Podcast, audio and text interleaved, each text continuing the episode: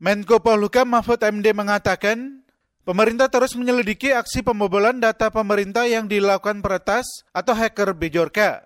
Ia mengklaim Polri dan Badan Intelijen Negara atau BIN telah mengetahui identitas dan lokasi peretas.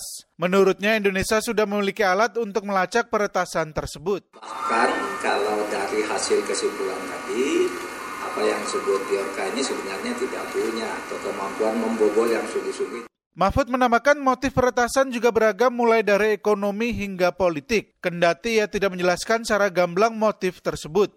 Ia juga menyebut data yang dibobol Bijorka bersifat umum dan tidak bersifat rahasia negara. Karena itu ia meminta publik untuk bersikap tenang menghadapi aksi Bejorka ini. Selain itu, Mahfud menjelaskan pemerintah telah membentuk Satgas agar peristiwa serupa tidak terulang dengan membangun sistem yang lebih baik. Menurut Mahfud, Undang-Undang Perlindungan Data Pribadi saat ini sudah disahkan di DPR pada tingkat satu. Undang-undang tersebut mengamanatkan agar terdapat satu tim yang bekerja untuk keamanan cyber.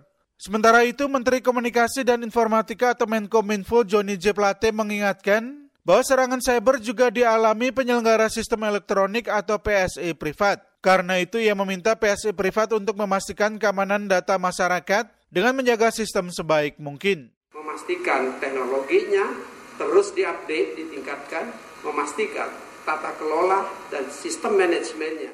Joni juga mengimbau PSE privat untuk berkomunikasi dengan pemerintah apabila menemukan dugaan-dugaan serangan cyber. Ia berharap komunikasi tersebut dapat memberi masukan ke PSI privat dalam menjaga sistem elektronik. Di lain kesempatan, pengamat cyber Pratama Persada berharap klaim yang disampaikan Mahfud MD soal Bijorka akan terbukti benar. Sebab kata dia, aparat memiliki pengalaman dalam menangkap pemilik akun Tremacan 2000 maupun pertastiket.com dan website KPU. Dari Jakarta, Sasmita Madri melaporkan untuk VOA Washington.